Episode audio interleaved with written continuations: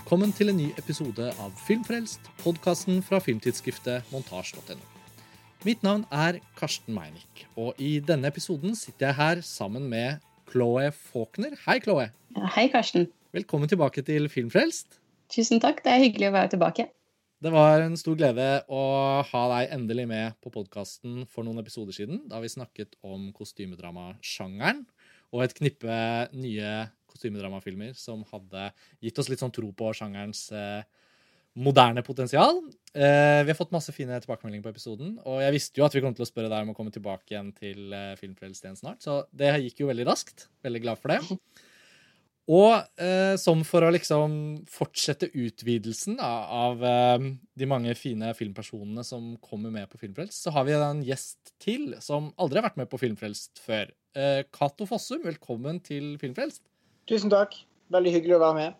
Dette er også litt sånn på tide, syns jeg. Og endelig, vi kjenner hverandre fra norske filmkulturens forskjellige roller. Du har hatt forskjellige roller på forskjellige festivaler de siste årene. Og inntil nylig har du da vært programsjef på filmfestivalen Oslo Pix. Og jeg vet at du også hører på Filmfrelst, så hvordan er det for deg å være med her i dette panelet? Det er veldig gøy. Jeg har hørt på Filmfrelst i mange år og har brukt det mye opp igjennom i jobben min som festivalprogrammerer for forskjellige norske filmfestivaler. Jeg var først i filmfestivalen i Tromsø, og også som du nevner i Oslo Pix. Så jeg har hatt veldig stor glede og utbytte av å høre på. Det er veldig stas å få lov å være med. Denne våren her jobber jeg for, for Kortfilmfestivalen. Vi er jo eh, Vi skal faktisk kaste oss ut i eh, digitale landskapet vi skal snakke om i dag også, og lage digital festivalutgave i juni. Så jeg jobber på spreng med det akkurat nå sammen med kollegene mine. Og Cato, vi snakket litt om hva en episode av Filmfrelst kunne handle om hvis vi hadde deg som gjest. da. Og Chloé, vi ble vel enige, vi tre, om at dette var et godt panel, også fordi dere to kjenner hverandre fra de samme miljøene. Og så startet vi en sånn herlig tråd hvor vi utvekslet ideer. Og en av ideene du slang på bordet, Cato, har jo da blitt fokuset for denne episoden. Og hvis vi skal si at det har en slags overskrift, så må det være kjærligheten for slow cinema i koronaens tid. Kan ikke du forklare litt hva det var du tenkte da du foreslo ideen for eh, temaet i denne episoden? Nei, Det var mange ting som falt sammen. Først og fremst fordi det vi kaller for slow cinema, som, som jo er et begrep vi sikkert kan komme tilbake igjen til, da, i, i mangel av en bedre betegnelse, er det jo et, et uttrykk vi kan bruke. Men at det er det er filmer som alltid har appellert til meg. Altså, når jeg ser tilbake igjen på, på filmer jeg selv har programmert for festivaler, og sånn, så, så, filmer som, som, som, eh, utfordrer tidsgrensene og som har en annen eh, gir en annen filmopplevelse enn hva vi kan kalle tradisjonell narrativ film, har appellert veldig sterkt til meg. Og jeg har alltid også sett veldig mye av den filmen hjemme. Det har jo litt med filmprogrammerens natur å gjøre. At man ikke alltid kan være på de filmfestivalene man kan være på. At man eh, og så kanskje gå litt mindre på kino i perioder fordi man må se film hjemme. Så det med å se denne typen film hjemme har på en måte eh, alltid vært noe jeg har drevet mye med, og det ble veldig sterkt aktualisert nå i, i koronatiden. Da. Og, og, og, det å liksom snakke om hva, hva det vil si å si disse, se disse filmene i en annen kontekst enn den konteksten som vi er så glad i, nemlig den fysiske kinoen. Og som vi alle tre har, har brukt mye tid på å på en måte snakke opp. da. Det syns jeg var veldig spennende. og som et tema. Ja, og jeg kjente jo at den ideen eh, var veldig lett å begynne å tenke på. Fordi noe av det morsomme med podkaster, både når man deltar og er lyttende, det er jo det å få liksom følge med på hvordan noen liksom nøster opp en eller annen sammenheng. Og Chloé og jeg følte begge vi to responderte jo ganske tydelig på Katos forslag. Nettopp fordi vi kjente oss igjen, men nettopp også fordi vi kanskje ikke helt har satt ord på det ennå. Og vi tar jo opp denne episoden i starten av mai. I Norge nå så har noen av koronatiltakene blitt lettet på. Og i dag så er det faktisk gjenåpning av noen kinoer i Norge. Så det setter jo litt sånn rammene, da.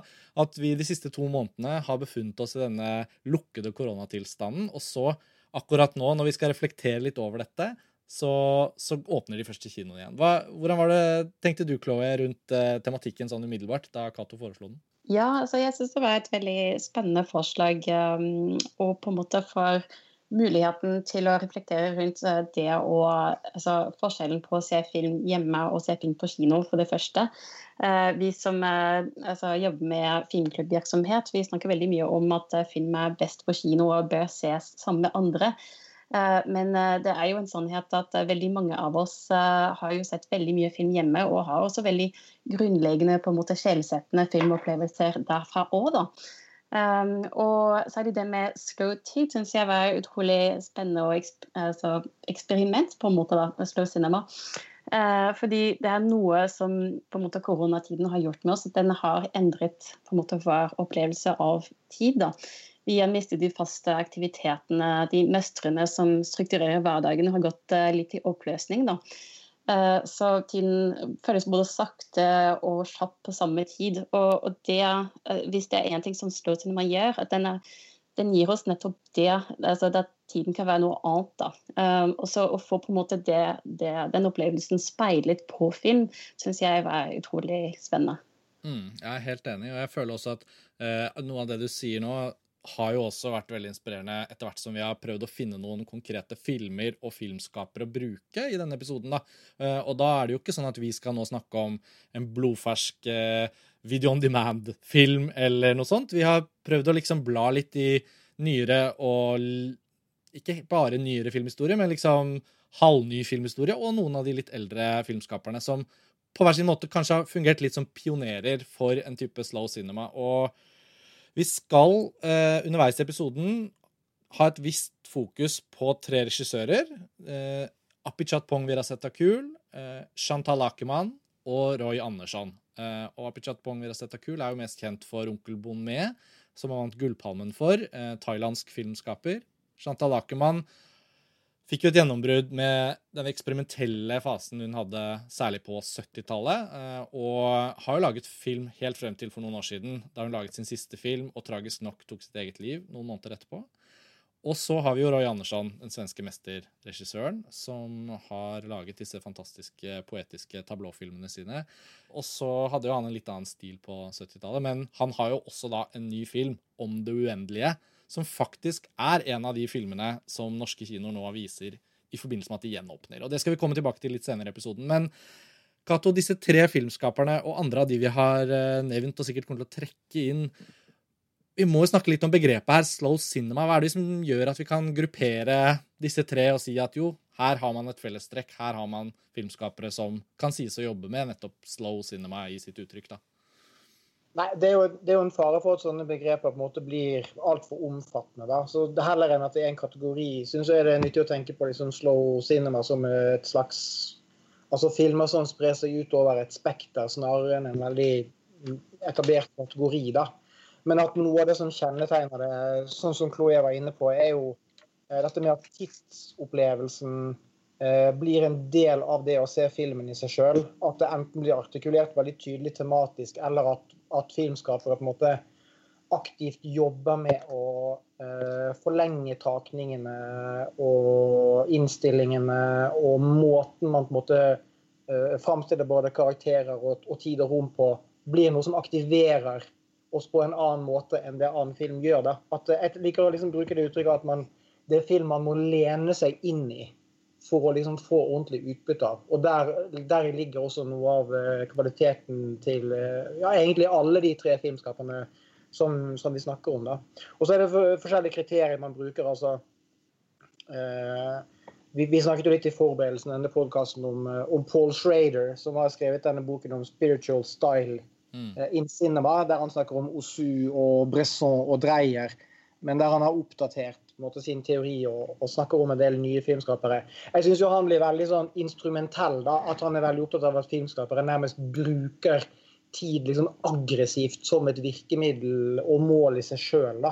Uh, for aktivt å framprovosere kjedsomhet. Sånn tror jeg ikke trenger å være. og Spesielt Roy Andersson føler jeg er en filmskaper som selv om han uh, bruker noen av de virkemidlene som vi kjenner igjen fra andre cinema-filmskapere, så er han veldig sterkt narrativt orientert. Og han, og han fokuserer oss, og han hjelper oss veldig inn i filmen, bl.a. med måten han komponerer bilder på. Mens noen av de to andre filmskapene kanskje har, har mer til felles, og at de, de, har en mer unnvikende måte å presentere handling på. Da. Så det er et, mm. et sett med forskjellige virkemidler, men der opplevelsen av tid hos tilskuere kanskje er det sentrale. da. Konseptet om tid på film er jo da selvfølgelig ikke ekskludert til det vi da her omtaler som slow cinema. Jeg syns det har vært litt gøy å tenke på at en filmskaper som Claire Denis, for eksempel, da, som eh, er relevant å trekke inn i noen av sine filmer, men måten hun får oss til å føle tid på i film, handler ikke alltid om den lange tagningen, f.eks., men handler om alt hun tar bort. Den elliptiske historiefortellingen hvor du blir fratatt muligheten til å følge kronologisk med på handlingen på en måte som gjør at du må egentlig fylle inn en del av tiden selv. da. Eh, og så har man eh, mainstream-filmskapere som tar i bruk den lange tagningen eller one-taken for å være virtuose med tid og, og vise oss liksom hva de er i stand til å gjøre. Ta denne Sam Mendes-krigsfilmen 1917, som ingen av oss ville omtalt som slow cinema, men som nettopp står og faller på konseptet om å liksom kunne oppleve den i tid. Så Christopher Nolan, en annen filmskaper som er veldig opptatt av tid og hvordan vi opplever tid på film, men som ikke føles som slow cinema. Da handler det jo selvfølgelig om noe sånn nesten litt sånn plastisk over det begrepet. At, at i denne kategorien, som er jo et etablert begrep, så snakker man jo også om en form for slow cinema som er det er vel det du sier, da, det der med å lene seg inn. altså Det er ikke en film som bruker Som regel, i hvert fall, så føler jeg ikke at slow cinema-film bruker så hardtslående virkemidler at man blir liksom slått tilbake av dem. Det er noe med de estetiske valgene og virkemiddelbruken som også inviterer mer til å kalle én type film for slow cinema enn en annen. Og det tenker jeg er jo noe av det vi kommer til å komme inn på gjennom å diskutere de tre filmskaperne, og kanskje trekke inn andre eksempler underveis. da. Um, Chloé, ja vi hadde en morsom liten utveksling da vi snakket litt om disse tre. Så plutselig så publiserte jo han Apichat Pong Virasetakul et slags sånn tilstandsbrev eh, eh, fra sin koronatilstand. For det, det rørende med koronaens tid er jo at alle, i alle land nærmest, berømt eller ikke berømt, er på den samme måten rammet av dette. Og vi leste jo eh, brevet til Apichat Pong vi resette kul med stor nysgjerrighet, nettopp fordi vi alle har denne felleserfaringen fra koronatiden. Og han kom jo faktisk inn på en del ting vi også hadde tenkt på. Hva, hva, hva var dine inntrykk av det Apichat Pong skriver i dette brevet, Chloé? Ja, jeg syns det var litt interessant at um, Api Chapong tok uh, opp um, det at film ofte er som en reise. da. Uh, at uh, Når man er på reise som et lite barn, så er man ofte litt uh, utålmodig og sitter der og spør når, når er vi fremme osv. Mens når man etter hvert blir voksne, så aksepterer man at eh, tiden går, eh, nettopp fordi man har et mål, noe man jobber seg mot, en destinasjon. På samme måte så sier han at en film er på en måte, har også et, et mål, en destinasjon. Altså, nå snakker han om den tradisjonelt fortalt på en måte kinofilmen, eller den vi kjenner fra TV-en at uh, den har jo et start, midten og slutt. Uh, ikke nødvendigvis i den rekkefølgen, da. Uh, men vi, alt som på en måte er underveis, er, liksom, er, bilder og lyder som skapes for å få oss frem til dette målet. Da. Mm. Og en, en dyktig filmskaper, sånn, sånn tradisjonelt, det er jo da noen som kan få, få oss til å glemme den tiden som går underveis, um, og føre oss frem til destinasjonen. Uh, mens det som skjer med koronatiden, er at vi er ikke lenge på en sånn reise lenger. Vi, det stopper litt opp. da. Um, vi, altså, Framtiden er usikker, og vi vet ikke helt hvor vi skal. Og vi er ikke i bevegelse, vi sitter fast da, som regel mellom fire vegger. Mm. Og, og, det tvinger oss på en måte til å havne i litt mer sånn meditativ eh, tilstand og fokusere på som det som er rundt oss, og, og kjenne på en måte på altså, tidens stoff. Da. Og det, det, er det på en måte som jeg opplever han gjør i, i, i sine egne filmer. Uh, og han ser for seg en sånn slags sånn alternativ framtid der folk uh, har sittet hjemme og hatt sånne lange samtaler på Zoom og middager og på en måte stirret på et skjerm. At folk har liksom gått, gått helt inn i det og, og, krever på en måte mer slow cinema. At det, liksom, det blir den nye filmen i framtiden. Og at uh, filmskapere som uh, Belatar og uh, Christian Martel og, og, sånne, de blir sånn superstjerner da, og ja, tjener masse penger. Og, ja, han har ganske mye humor i, i det brevet sitt, føler jeg. Ja, den driver og fabulerer litt rundt det. og um, det, det, er jo ganske morsomt. Men på en måte så kjenner jeg meg litt igjen da, i dette måte, um, fantasipublikummet i, i framtiden. Jeg, jeg, kjenner på en måte også at jeg kanskje er blitt litt mett på tradisjonelt fortalt drama. Altså, ikke, jeg synes i hvert fall det er sånn at um, drama er veldig vanskelig å lage på en bra måte. Og det er veldig mye av det eh, rundt omkring i filmproduksjonen. Um, og jeg vil, ikke, jeg vil, ikke, gå inn på en sånn slow cinema-podkast og mene på en måte at sånn slow cinema eller kunstfilm er bedre enn uh, vanlig drama, for det er det ikke. Uh, begge to er litt på en måte fullendt full kunstneriske opplevelser. Men det er noe veldig befriende med en form for film som gir slipp på alle krav. F.eks. det at det skal fortelles en historie. Mm. Eh, det at det skal være en sånn kausal forbindelse mellom de ulike hendelsene. At den ene fører til det andre. At filmmediet eh, finnes ikke bare for å fortelle en god historie, men også for å mane frem, eh, gi plass eh, til noe som ellers ville vært usynlig. Skape en stemning, da. Mm. Og det, det, er noe som kommer veldig godt frem um, i Apisha Pongs egne filmer. Da. Den en sånn drømme, drømmeaktige tilstand.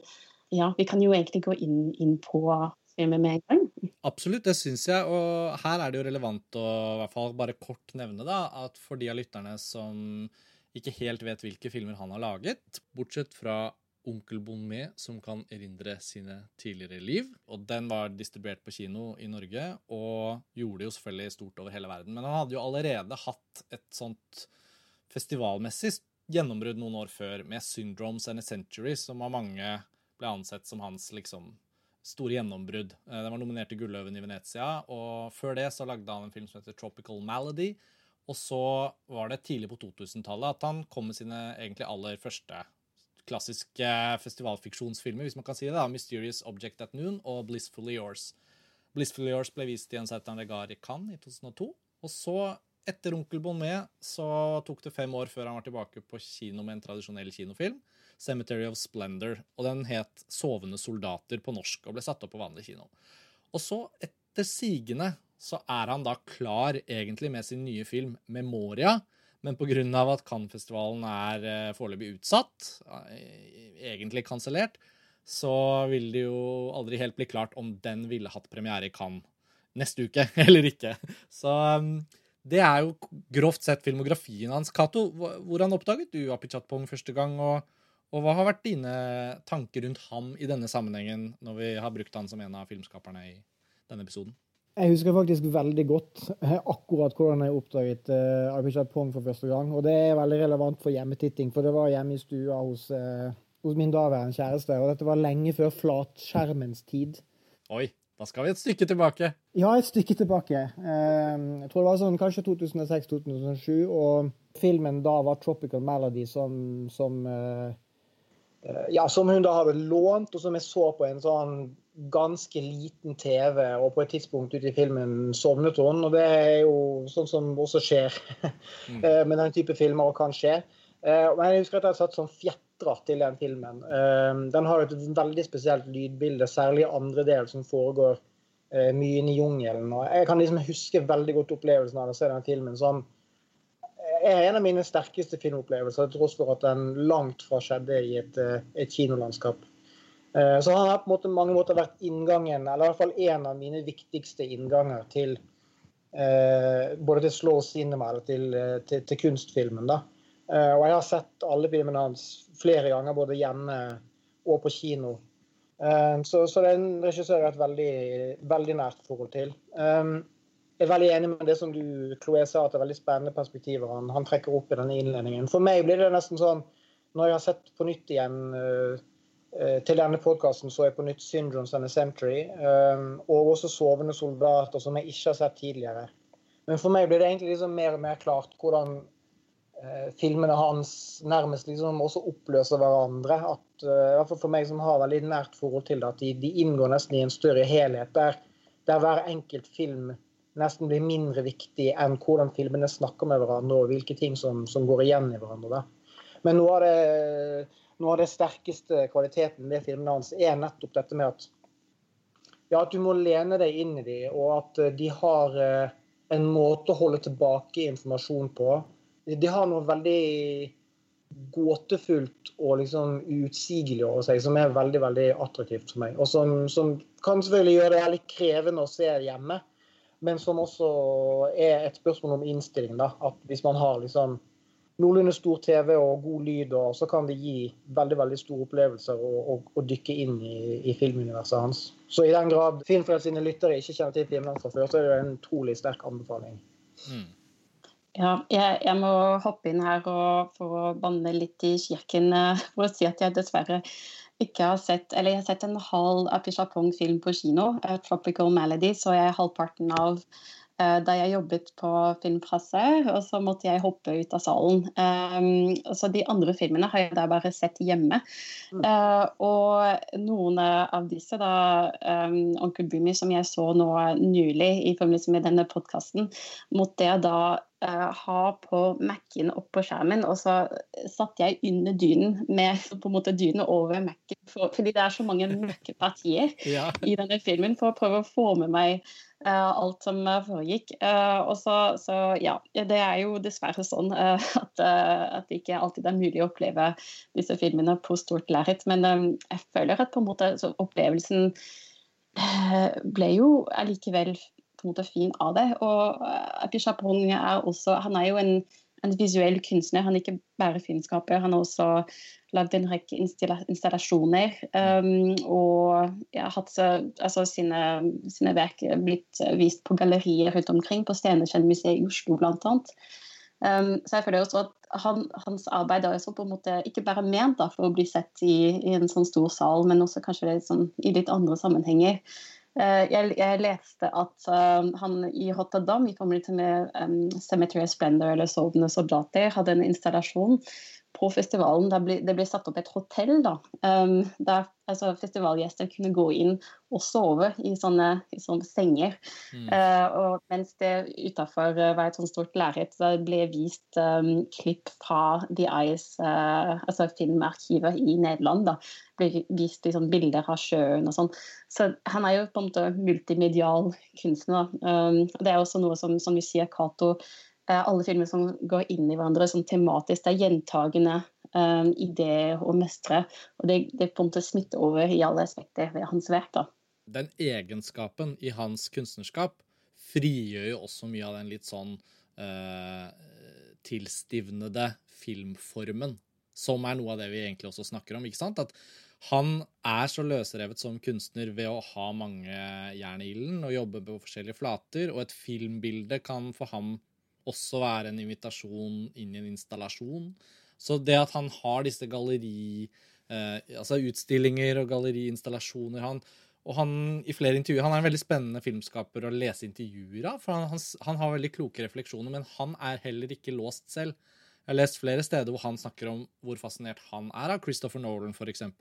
Og, og, han er ikke låst til å bare se en viss type film osv. Så, videre. så det at han er så åpen så Antageligvis er han bare en veldig åpen person òg, som er i stand til å si at jo, men hvorfor kan det ikke være på denne måten eller denne måten? Og derfor er det jo selvfølgelig også som en slags sånn perfekt kollisjon at han selvfølgelig er en av de som da skriver om koronatiden og reflekterer over nettopp det som utspiller seg nå. Så jeg brukte denne anledningen til å se Syndromes and a Century, da, som har vært en av de litt store hullene mine. Jeg har fortsatt ikke sett eh, de to første, altså Mysterious Object at the Noon og Blissfully Yours. Så jeg har litt noen uh, eh, Apichatpong-hull. Og det var jo fantastisk flott å endelig få sett Syndromes, som min kollega Lars Ole her i montasje har alltid hatt det som sin Apichatpong-favoritt. Og jeg må bare da komme med en bitte liten anekdotisk koronarefleksjon, for da, da er jo min koronatid handler jo en del om om at ikke barnehagen er åpen, og at vi også har en liten snart ettåring, og at familielivet da skal liksom hele tiden eh, tas vare på innenfor de fire vegger, samtidig som man skal sy det sammen med en jobbvirkelighet. Og filmkultur og montasje, selvfølgelig, det er jo selvfølgelig også et interesseområde som overskrider bare å være en jobb. Og så kommer da sent på dagen Cato, du kjenner deg vel igjen, tidspunktet hvor man kanskje skal se en film sammen. Og når jeg da f.eks. For foreslår en thailandsk eh, slow cinema-film, da, da, er det ikke enighet om å se den sammen. Og når jeg da kan ta med meg den filmen inn i hjemmekinoen her, da inviterer jo den også til en form for avslapping etter en lang dag i koronaens tid. Hvorpå jeg naturligvis hadde noen innsovninger og oppvåkninger underveis i filmen.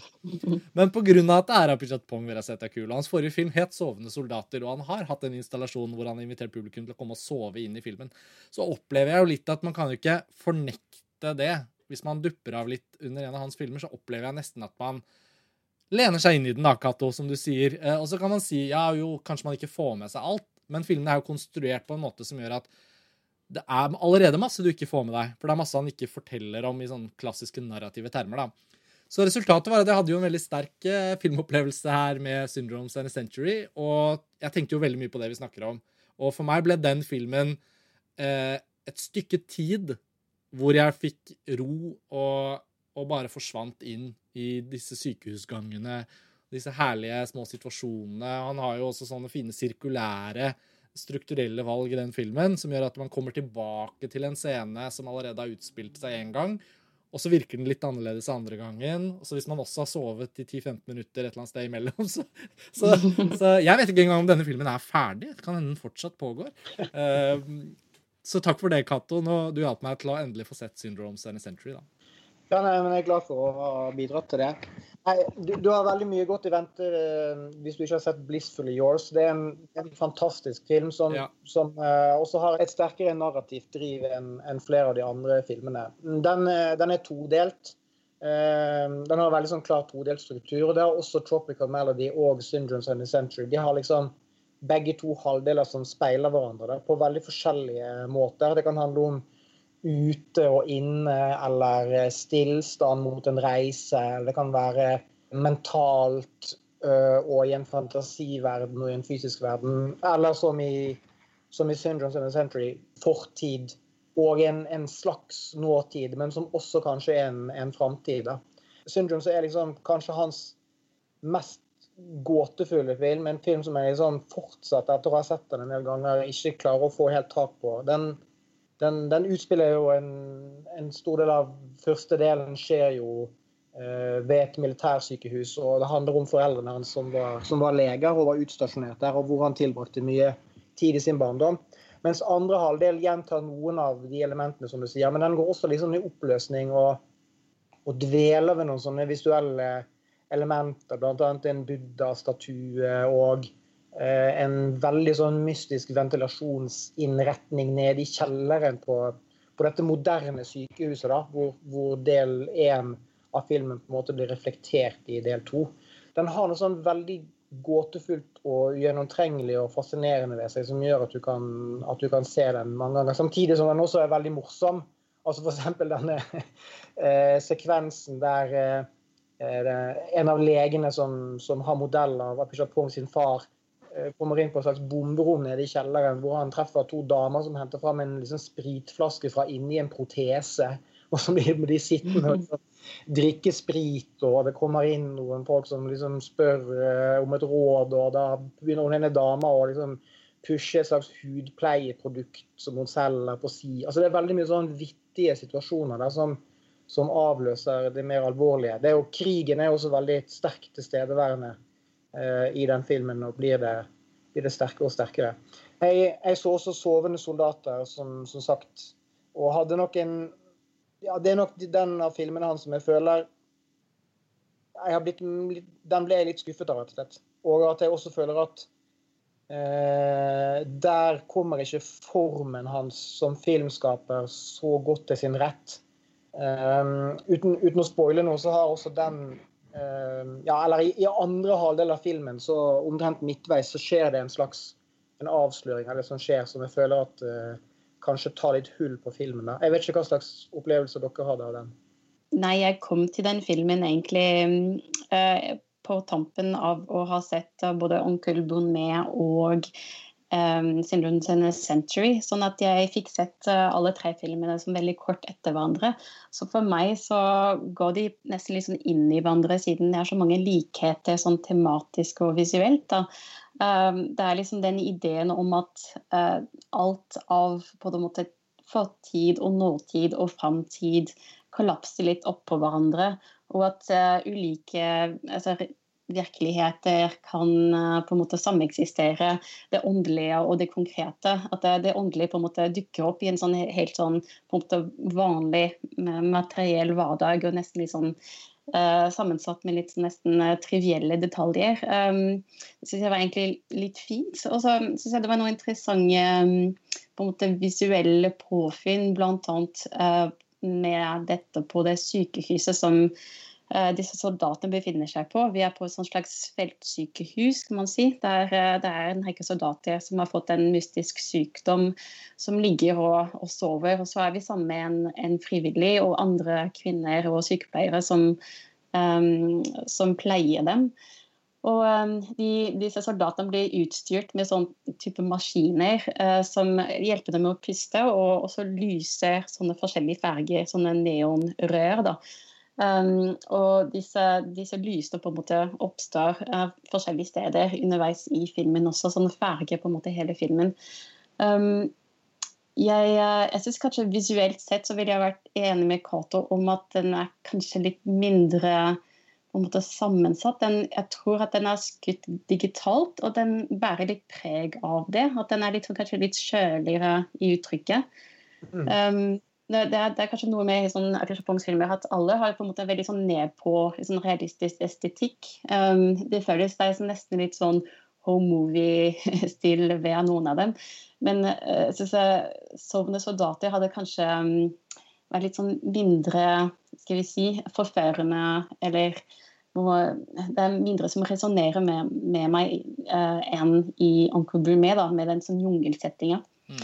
Um, men um, ja, så det, altså, Cemeteries of Splendor føltes på en måte som en, en gjentakelse av veldig mange av de andre altså, tematikkene. Det der med sånn sykdom og søvn som en sånn slags sånn, noe som opphever tidens vante gang. Da. Um, det har vært en del innsigelser mot denne filmen av, av en eller annen grunn. Jeg likte den godt da vi så den i Cannes det året den hadde sin premiere, eh, og opplevde at en del av de andre kollegaene mine sine forventninger som ikke ble oppfylt Jeg skjønte liksom ikke helt innsigelsen. Eh, jeg, jeg skjønner jo selvfølgelig hva dere påpeker, men det er nesten for meg i hvert fall som at disse kapitlene i hans kunstnerskap nærmest bare følger på hverandre og på sett og vis allerede repeterer hverandre litt. Sånn som når, når jeg endelig fikk sett da, Syndromes and a Century nå, så ser jeg jo at det er masse der som han bare repeterer på en måte i Onkel Bonnet også. Og så skifter han forskjellige omgivelser, og vi har jungelen, og vi har eh, litt sånn åndelige verden og sånn, som selvfølgelig føles veldig originalt i Onkel med. Um, men eh, jeg syns uh, 'Sovende soldater', da, for å bruke den norske tittelen, 'Cemetery of Splendor', jeg syns den gjorde seg veldig godt. Og det er en av de få hvor jeg faktisk har sett det er den eneste Apichat Pong-filmen jeg har sett to ganger på kino. For den endte jeg opp med å se også da den ble vist uh, i Norge. Den var en av de første filmene som ble vist på Kunstnernes hus kino. Hvor jeg er med i et sånt programråd som møtes av og til. Og det, det var en film hvor jeg kjente at andre gjennomsyn var, var veldig givende, da. Så jevnt over så føler jeg vel at vi har veldig stor sansen for det Apichat Chatpong holder på med, og at det vi allerede litt har satt ord på her, indikerer jo en kunstner som på sett og vis lager den samme filmen om og om igjen. Jeg husker ikke hvem det var som sa det, men noen sa det smart at i bunn og grunn så lager de fleste filmskapere én film som de lager om og om igjen i forskjellige variasjoner. Og jeg er veldig mottagelig for de variasjonene til Apichat Pong. da. Mm, til tross for denne litt sånn surrealistiske siden ved han, så han også en veldig sånn konkret, sånn livsnær og veldig sånn menneskelig dimensjon. Um, han, han, setter alltid på en måte det konkrete mennesket og konkrete menneskelige erfaringer i sentrum. Uh, og det, det, gjør ham for meg til en veldig sånn sympatisk uh, filmskaper. Det handler uh, om mennesker uh, som på en måte er, har liksom en eksistensiell opplevelse. Som i 'Onkel Bonnet' så er det en døende mann um, som er på en måte på vei over liksom en åndeverden. I andre filmer så handler det om ja, uh, det å Altså samhold, begjær, uh, vennskap. det er jo også veldig sånn jordnært og, og menneskelig, da.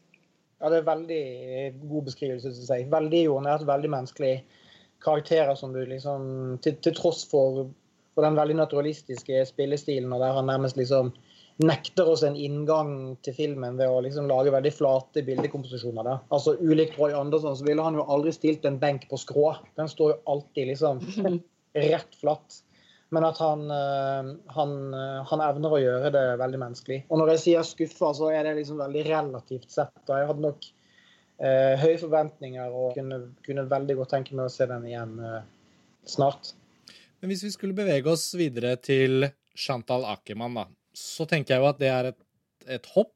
Og Chloé, nå må du være frempå og uttale navnet hennes riktig, for jeg er sikker på at jeg uttaler det bitte litt feil. Hun er jo belgisk filmskaper, eh, franskspråklig belgisk filmskaper, som eh, har laget et par sånne nøkkelverk som mange av oss har hørt om og er kjent med, men ikke alltid nødvendigvis har sett. Jeg må innrømme at Chantal Ackermann har vært en sånn filmskaper hvor jeg på en måte har blitt stående litt på avstand og aldri helt fått tatt det dykket inn da, for å bli kjent med hennes filmer. Men grovt sett vil jeg vel kanskje si at hun har ganske lite til felles med Apichat Pong, rent sånn bare overflatisk i forhold til hva man faktisk finner i filmene hennes.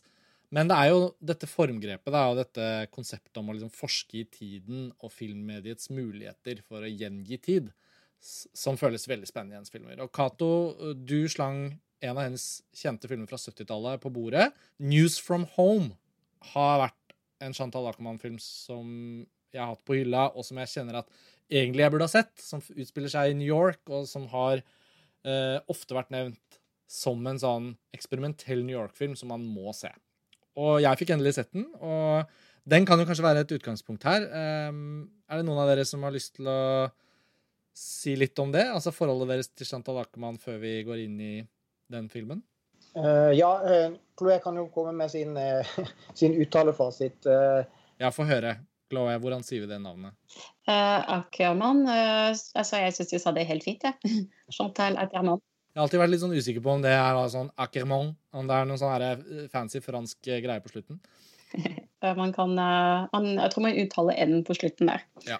Jeg har uansett slått meg til ro med at det antageligvis har noe med da også hennes egen bakgrunn å gjøre. Hun hennes mor eh, var jo da en holocaust-overlevende, tror jeg, så de har en jødisk familiebakgrunn. Og det er også en tematikk i Forholdet til moren er veldig sentralt i Chantal, Chantal Ackmans filmografi. Og det starter jo litt med News from Home, Cato. Ja, ja, det begynner for så vidt egentlig med den. Den foregår i New York, som du sier, der eh, hun dro for å lage film. Så den er jo eh, ganske sånn eksplisitt eh, sjølbiografisk. Det blir referert til navnet hennes i, i filmen flere ganger. og bare for å liksom sette opp hva den handler om, så, så er jo det, det, filmen egentlig består i, er eh, Chantal Ackermann sine opptak eh, fra New York. Eh, hun filmer eh, gater, eh, kafeer,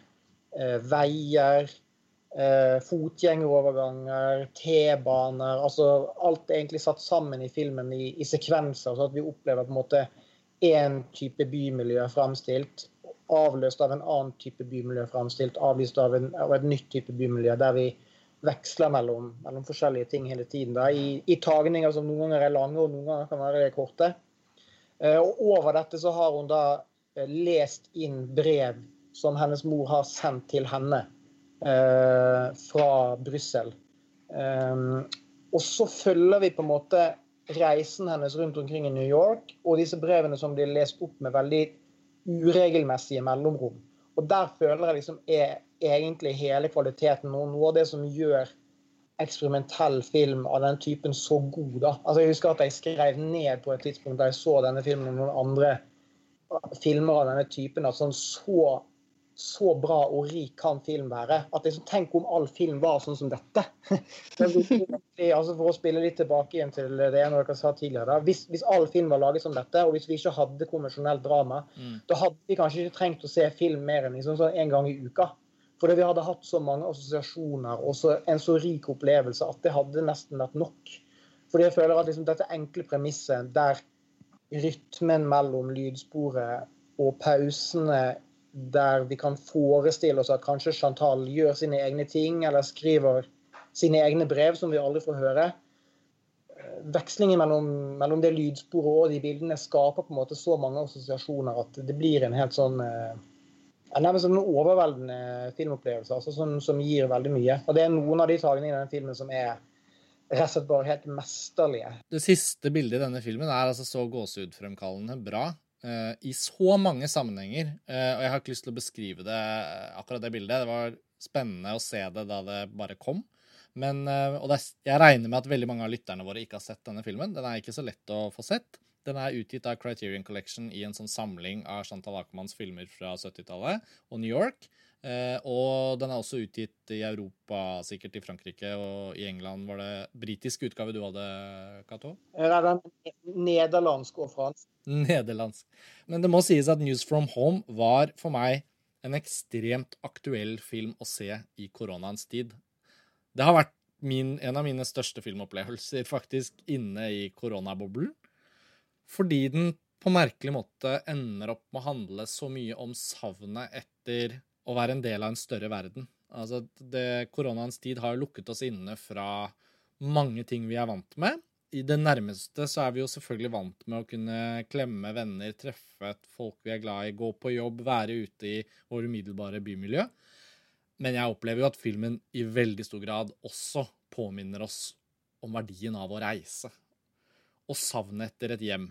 Og den, det spennet mellom hjemme og borte og reisen og det trygge og utforskning og alle disse tingene som i hvert fall jeg har opplevd har vært veldig sentralt i mitt liv. og Jeg tror de fleste kan kjenne seg igjen i det. Det evner denne filmen å snakke så innmari om. Og jeg elsker filmer som er laget på et eller annet tidspunkt hvor de var veldig ikke sant? En veldig personlig film, dette. Veldig aktuell for henne å lage akkurat da. Og så sitter jeg her i koronas tid og ser den, har ikke sett den før, og føler på mange måter at den også er en film Ikke jeg kunne lagd, men det er iallfall en film jeg kunne sendt. Hvis du skjønner hva jeg mener. Sendt den som et brev. Sendt den som en tanke til noen. Og det har jo litt å gjøre med at jeg har vært i New York og opplever den som en ekstremt poetisk og, og også veldig autentisk New York-film. Og den er laget i 1976. Taxi Driver-året, som er en annen New York-film. Og de to filmene kunne ikke vært mer forskjellige, men de handler om på en eller annen merkelig måte mange av de samme bymiljøene. Så jeg ble bare helt totalt eh, revet med av denne filmen. Og den er jo mega slow cinema. Så det er jo det perfekte møtepunktet der, hvor jeg kjente på det du sa, Cato, at engasjementet mitt inn i filmen ble bare enormt forsterket bit for bit. Man må liksom dedikere seg til det første kvarteret, føler jeg, og si OK, jeg, jeg, jeg stiller meg til denne filmens disposisjon, og den stiller seg til meg. Men i det øyeblikket man er inni den, så er den ikke til å kunne Jeg kunne ikke ta på pause eller gjøre noe. Det var bare å se den ferdig. Så det har vært en virkelig stor opplevelse. Jeg føler jo også at Chantal Ackermann-katalogen skal jo nå bare fortæres eh, her i gården. Eh, og for de av leserne og lytterne som har studert vårt alternative kan-program, da, eh, som vi nå har snakket om noen ganger, trenger jeg ikke introdusere det noe nærmere. Men neste uke så skal vi jo da se kan-film hjemmefra. Og en av filmene vi har programmert inn i det alternative kan-programmet, er jo da Chantal Akermans mest berømte film, Jeanne Dielmann. Den har en litt lengre tittel, jeg vil ikke prøve meg på den. Og det er en av de filmene jeg da har stående og ikke har sett. Og pga. reglene for Cannes-festivalen så har jo ikke jeg kunnet se den nå i forkant, Chloé og Cato. Så den har jeg nå spart, og det blir til uka. Og dere har da heldigvis gjort hjemmeleksen, så, så vi må jo snakke litt om Jean Dielmann, Chloé. Um, nå mente jeg ikke å ikke la deg si noe om News from Home, da, men, jeg, men jeg opplever at uh, du kan kanskje hjelpe oss med den broen mellom de to filmene? Ja, jeg syns det var utrolig fint å høre um, deg snakke om um, News from Home. Det er ikke noe med altså, filmens uh, natur, at den, den, på en måte forteller deg så lite om hva den handler om. At, uh, og at man havner på en måte i en sånn meditativ tilstand etter hvert. Og, og, ender opp med å sånn altså Tankene rettes innover. da, Og så ender man opp med å sånn, projisere veldig mye av sånne egne erfaringer og egne tanker sånn, inn i disse filmene. Og, og, Det er kanskje en grunn til at de oppleves som såpass personlige. Da, at, det, det blir at de engasjerer oss så mye. Uh, og det var også noe som skjedde uh, med meg da jeg så Jean Dillman for første gang nå i forbindelse med den uh, podkasten. Jeg hadde hørt veldig mye om Chantal Ackermann. og Eh, hadde på en måte kommet til den filmen med eh, på en måte en forventning om en form for radikalitet i filmspråket. Det er, okay, det er et sånn tre og en halv time lang film om en belgisk husmor som utfører husarbeid. Greit. Det må være en tålmodighetsprøve. Uh, så, så, på en måte gå inn i det og så tenke ok, dette, dette kommer til å bli vanskelig. da. og så uh, vet man også på en måte at det er en film som i stor grad knyttes opp til den feministiske bevegelsen på, på 70-tallet. Um, og så når man ikke har sett den, så tenker man ok, det er jo en stund siden 70-tallet. Det er mulig at det er en form for feministisk kritikk som er foreldret, jeg vet ikke. Eh, så det er lurt å komme, inn, komme til ting med en sånn form for uh, innebygd skepsis, så da blir man liksom mindre skuffet etterpå. fordi um, jo, altså, det er jo en film som er lang og krevende, og det tar tid. Og ja, jeg holdt på med kanskje litt andre ting mens jeg så på den. Men uh, herregud, så for en engasjerende historie. For en måte å bygge opp en karakter, en historie, en dramaturgi på. Og ikke minst spenning. Uh, ut fra veldig, veldig lite, da. Uh, så for å bare si litt hva den filmen handler om. Det er jo et portrett, en studie, um, av tre dager i livet til en belgisk husmor. da, Som bor alene med sin sønn, som er tenåring. Så fra morgen til kveld så ser vi henne stå opp, lage mat, vaske seg, handle, koke kaffe eh. Og, så og alt spilles ut in real time, da, sånn at vi ser sånn, hver eneste gest og hver eneste handling. Um, og så En gang om dagen så ser vi henne ta imot en mann. Um, de går bort til soverommet, så klippes det, så kommer hun ut igjen med ham, og så får hun betalt av ham. Så går livet videre. Um, og så Ut fra det, det, det premisset så kan det høres kanskje litt kjedelig ut, men filmen har faktisk en veldig tydelig struktur. da. Det vil si Over de tre dagene, eller liksom, på en måte to døgn, så etablerer først Chantal Ackermann på en rutinen, normaliteten, uh, i denne kvinnens liv. Uh, hun blir veldig sånn omhyggelig uh, skildret på en måte alle de små tingene som hun gjør. Um, altså, hun er veldig sånn ryddig og systematisk. Hun skynder seg aldri, hun stresser ikke. Hver gest og hver minutt i hennes liv er liksom stilt inn etter en sånn slags intern klokke. Uh, og det, det, i seg selv, på en måte det at det blir skildret, er i seg selv fascinerende. Og det traff meg egentlig i større grad enn jeg ville forventet. Uh, fordi det er nettopp uh, Da jeg leste sånn om denne filmen etterpå, så leste jeg at Ackermann skrev manuset. Hun skrev alt ned. Hver eneste gest og bevegelse og handling var på en måte planlagt fra før. Men det var veldig enkelt for henne, fordi det var på en måte handlinger og arbeid og ting som um, hun kjente selv, som på en måte satt i kroppen hennes, og som hun også hadde sett sin mor utføre. Og det var ting som hun hadde lyst å vise på film og gi på en måte sånn filmatisk uh, tilstedeværelse. Og det hadde jeg nesten aldri sett før, så jeg blir veldig sånn truffet av det. da. Uh, og det andre, det er ikke bare det hun skildrer, men også hvordan hun skildrer det. Um, Jeanne Dillman, altså hun, hun er alltid veldig sånn hun er filmet veldig sånn rett på, midt i bildet og midt i rommet. Sånn at en måte det oppstår en form for sånn slags harmoni da, mellom henne og hennes omgivelser. Så hun virker på en måte veldig sånn som en del av dette miljøet. Hun, hun på en måte flytter seg i rommet og er liksom på en måte som en del av, av dette småbehagelige miljøet. Hun glir sånn sømløst inn. Altså etter hvert da, så, som vi blir vant til å se disse samme handlingene fra samme vinkel og samme kameraplassering, så bryter hun litt med det. Så for den tredje dagen så våkner sånn Jean Diman opp en time før, og plutselig så er det på en måte hennes sånn, hele sånn tidsskjema ut av, sånn, ut av balanse, så vet hun ikke hva hun skal gjøre. Så hun setter seg i stolen, og så styrer hun bare rett ut i lufta. Og så ser vi henne da sånn liksom tett på fra en vinkel i stua som vi ikke har sett før. Og så siden vi har, liksom, vi har brukt så mye tid å se på henne fra de liksom, på en måte samme vinklene hele tiden, så ble vi også litt sånn satt ut av det. Og så ser vi på en måte den angsten uh, og den på en måte sånn bevisstheten om den eksistensielle tomheten da uh, innhenter henne. Uh, og så på den måten, på den tredje dagen, så skjer det sånne små ting, sånne små detaljer, um, som da bryter litt med den rutinen som er blitt etablert fra før. Og som da bygger opp mot uh, en sånn form for forløsning. Så det er egentlig mye mer spenning enn man skulle tro i, i det på en måte at, man, at potetene blir overkokt, eller at uh, noe faller i gulvet. Uh, og Jeg skal ikke avsløre hva som skjer til på slutten av filmen, det får folk finne ut av selv. da. Jeg hadde veldig, veldig interessert i å, høre din opplevelse av uh, filmen, uh, Cato. Ja, nei, jeg, hadde, jeg kjente også veldig godt til eh, premisset fra før. Og jeg kan bare liksom slutte meg til beskrivelsen av den. Du oppsummerer liksom veldig godt hva, hva, det er filmen gjør så, så bra. Eh, jeg hadde spart denne filmen lenge og hatt den stående i hylla veldig lenge for å kunne se den på kino. Eh, men likevel føltes det veldig godt å få et påskudd til å se den akkurat nå. Den, den er jo en film som snakker veldig godt til den tilværelsen vi befinner oss i nå, fordi den foregår så mye inne, og at den handler så veldig mye om tid og om rutiner og om liksom kroppslige opplevelser av ting.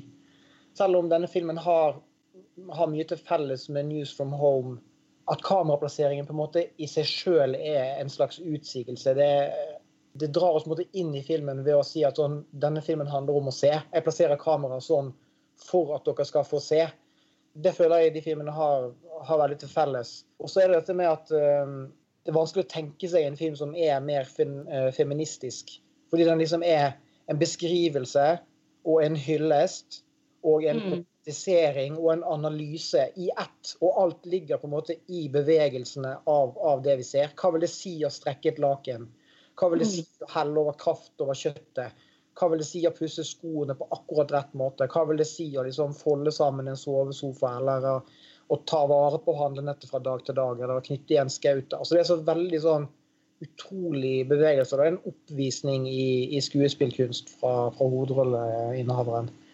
Men det er også den kombinasjonen av de lange tagningene, men også at det er veldig det er jo det er veldig mesterlig klippet. der liksom Noen av sekvensene skaper utrolig stor spenning. da, Og siste dagen når når handlingene begynner å Eller tidsskjemaet hennes sprekker på en måte litt opp, så, så, så, skaper det en veldig sterk spenning hos en veldig sånn stor uro. Og den er jo forbundet med noe av det som ligger under hele Chantal Ackermann sin, eh, sin filmografi, føler jeg. Dette med hva vil det si å være en holocaust-overlever? Altså at det traumet ligger på en måte i bunnen og vibrerer. Det blir, det blir jo referert til i en samtale tidlig i filmen der moren forteller om eh, opplevelsen av å bli reddet ut av eh, en konsentrasjonsleir. og at det er veldig vanskelig for sønnen å forestille seg. Men, eh, men, filmen gjør jo aldri noe sånn mer sånn eksplisitt analyse av det. Men det ligger jo på en måte likevel under og dirrer. Sånn, hva er det som gjør at hun er ute av likevekt, og hva er det som gjør at hun har skapt seg en sånn tilværelse som er så minutiøst bygd opp i rutiner som det er katastrofalt å avvike fra. det. At man liksom forestiller seg også livet hennes som en form for overlevelsesmekanisme. Det gir jo veldig sterk resonans til den tilværelsen vi er i nå, men, men, det gir jo enda sterkere relevans når man, eh, eller resonans når man tenker på, på Chantal Ackermann sin familiebakgrunn og, og det traumet som, som, ligger under for familien hennes. Det var, det var veldig sterkt for meg eh, da jeg så den. Og den, den, skaper jo en sånn spenning på slutten der som nærmest er litt sånn Det er som i en Hitchcock-film. liksom i Eh, så er, eh, ja, det, det er, jo ikke uten grunn at denne filmen her blir framhevet som hennes virkelig liksom mesterverk. Det er en helt eh, en, en, en utrolig bragd å lage en sånn film. Altså, Om ikke jeg hadde lyst til å se denne fra før av, og føler at den er en viktig film, så syns jeg jo dere begge eh, trekker meg inn i hva, hva, man kan forvente av den, enda mer enn jeg faktisk eh, har funnet ut av selv på egen hånd. Um, jeg husker filmen ble brukt ganske aktivt i noen forelesninger på filmskole for mange, mange, mange år siden. Men jeg har støtt på ganske mange forskjellige typer både filmvitere, kritikere, filmskapere og sånn i Norge, da, så føler jeg at Chantal Ackermann er en regissør nesten ingen har fulgt ordentlig med på, eller satt seg ordentlig inn i. Og meg selv inkludert. da, altså At jeg har virkelig hatt, hatt, det liksom på vent. Og det er jo en slags ærefrykt, selvfølgelig. Men det er klart, det er klart um, man blir betrygget av beskrivelsen deres av en film som, som, virker å ha en spenning som man kanskje ikke helt klarer å lese inn i den når man bare hører det mest kjente ved den. da, At den er veldig statisk, at det er slow cinema, og at den varer fryktelig lenge. Og som jeg sa i innledningen til denne filmen nå, så er det jo da endelig anledning for meg. Den skal vises på denne alternative Cannes-festivalen. Så um, så jeg gleder meg. Jeg gleder meg enda litt mer nå. Jeg lurer på, Er det noen av dere som har sett den siste filmen hun eh, lagde? Ja, jeg har sett den. Det var den første filmen av henne jeg så. Ja. Eh, jeg så den da den hadde premiere. Det var på filmfestivalen i Locarno. Jeg husker ikke hvilket år det var. Jeg tror kanskje det var 2015 eller 2014. Eh, det var den første filmen jeg så. Jeg hilste på henne utenfor kinosalen. Og det er jo en film som, som jeg vil anbefale å se etter etter at man har sett en god del av hennes andre filmer, så ble det en sånn slags en, en, en inngang til det Mm. Uh, gjorde meg nysgjerrig. Den, den handler mye mer eksplisitt om, om forholdet til moren hennes. da, og hun, hun er med i filmen, også flere andre slektninger. Men hun gjør også en del sånne selvobservasjoner, bl.a. det med hvordan hun har på en måte manøvrert seg fram til denne helt spesielle liksom, kameraplasseringen. Altså Det er jo veldig spesielle komposisjoner som er sånn eh, ja, symmetriske ofte, og som aksentuerer rommet på en sånn helt spesiell måte. Og der Du får bl.a. se i filmen hvordan hun jobber seg frem til med å liksom balansere kameraet oppå et bord for å få liksom til akkurat den riktige eh, bevegelsen. da. Det det handler om her Filmen heter jo No Home Movie, og Ja. det handler jo veldig stor grad om forholdet til moren helt eksplisitt. For det er, dette er vel en dokumentar. Hun har jo hele tiden jobbet med forholdet mellom dokumentar og fiksjon. Mm. Kan du si litt om settingen og, og hvor vi da befinner oss? For det er jo litt morsomt også med forhold til Jean Dilman. Vi er på forskjellige steder, men eh, den åpner vel med Den er også innom Israel. og Den, den, den, har en, den veksler mellom rei, å være på reise, gitt tittelen, da, No Home Movie, Mm. som både spiller på det fysiske fraværet, men også den her eh, mentale eksilet som, som har å gjøre med, med familiebakgrunnen hennes. Så den, den veksler mellom å være på reise og å være i en veldig sånn hjemlig setting inni, inni leiligheter. Så sånn sett kan man jo si at den er en sånn slags kulminasjon av de to filmene vi har snakket om. da.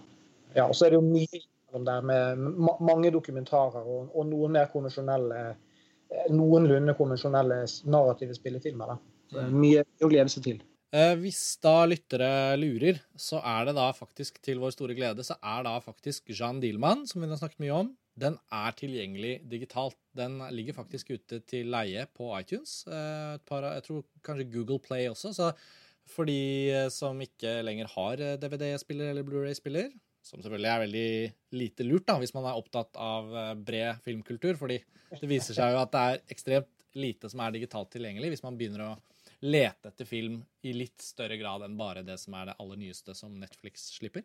Så, så det som er heldig, er at John Dillman er tilgjengelig. Så det er ingen unnskyldning for ikke å, å se den. Man må bare finne litt tid. Så det føles som det riktige tidspunktet å endelig trekke Chantal Akerman litt sånn opp og frem, da. Så, og som jeg har beskrevet nå flere ganger, skal ikke si det flere ganger, så er jeg midt i det. Så jeg er litt sånn høy på Chantal Akerman etter den News from Home som, eh, som jeg bare Ja. Åh, jeg må bare si det igjen. Den syns jeg var så bra.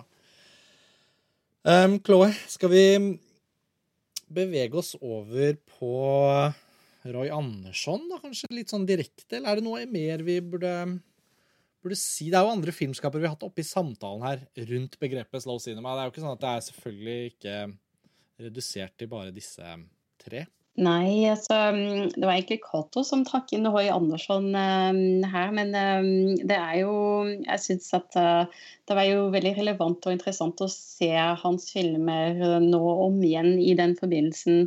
I den grad at det er jo egentlig mer overlapp enn man skulle trodd. Uh, Afi Pong har en estetikk som er veldig sånn magisk realistisk og litt sånn ned på Men samtidig så har man det der med altså, fortiden som hentes igjen, da, som, som kommer tilbake på et vis. Altså, det er jo sånn, sånn, kanskje noe som også Roy Andersson er opptatt av.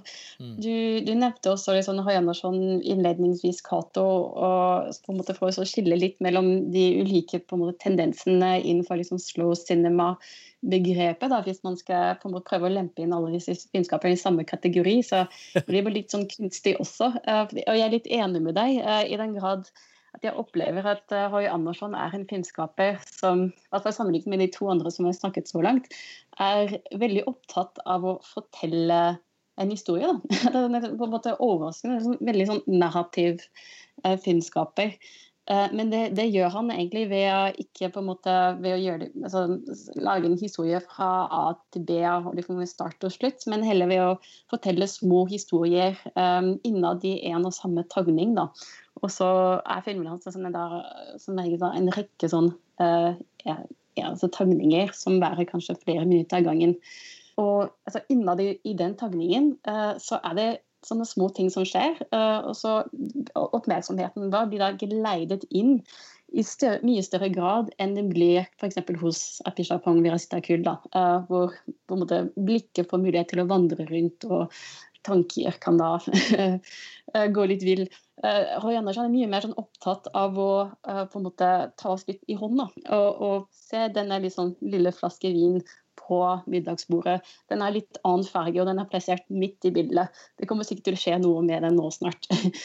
så, det er liksom plan, veldig nøye planlagt komposisjon, timing og så spill med forgrunn og bakgrunn, som gjør at det blir da, sånne, sånne tanger blir sånne bevegelige tablåer da, som forteller disse små eksistensielle historier da, uh, om ofte liksom vanlige mennesker. De, de etablerer da en, en figur da, i en verden, og så får vi sånn veldig fort sånn sympati for dem. da. Altså, Han kommer jo fra, fra, en annen bakgrunn, og han har jo også jobbet mye med, med reklamefilm. og Flere har jo film, eh, framhevet på tidligere filmfrelst-podkaster som jeg har hørt, at, eh, at 'Herlig er jorden', eh, kortfilmen hans, på en måte er kanskje det aller ypperste av Roy Andersson, nettopp fordi at den kondenserer så utrolig sterkt ned til bare 15 minutter. Um, essensen i både hans liksom, visuelle, men også tematiske univers. Da. At, uh, at, uh, at, det som gjør at uh, det, som, det, som, er med å skape den opplevelsen som du beskriver av å bli tatt i hånda og leid inn, er jo både det visuelle, at det er dybdekomposisjoner som er veldig godt tenkt igjennom med forgrunn og, og bakgrunn, men også det at Eh, hver tagning er på en måte én scene der det kan være kondensert ned til bare én replikk eller en veldig liten replikkutveksling, eller kanskje ett et utbrudd, som også foregår i en helt annen skuespillstil enn det vi kjenner fra Api Pong, som har en veldig sånn pratsom stil, naturalistisk, der du gjerne må høre, se en scene mange ganger for å liksom, få helt tak i underteksten. da. Mens her hos Roy Andersson er det på en måte også veldig mye undertekst, men det er også veldig, veldig tydelig eh, tydelige dialoger, tydelige replikkvekslinger, tydelig på en måte poeng eh, i hver scene som, som blir hentet ut. Um, så det er, en, det er, en, veldig kontrast uh, til de to andre filmskaperne.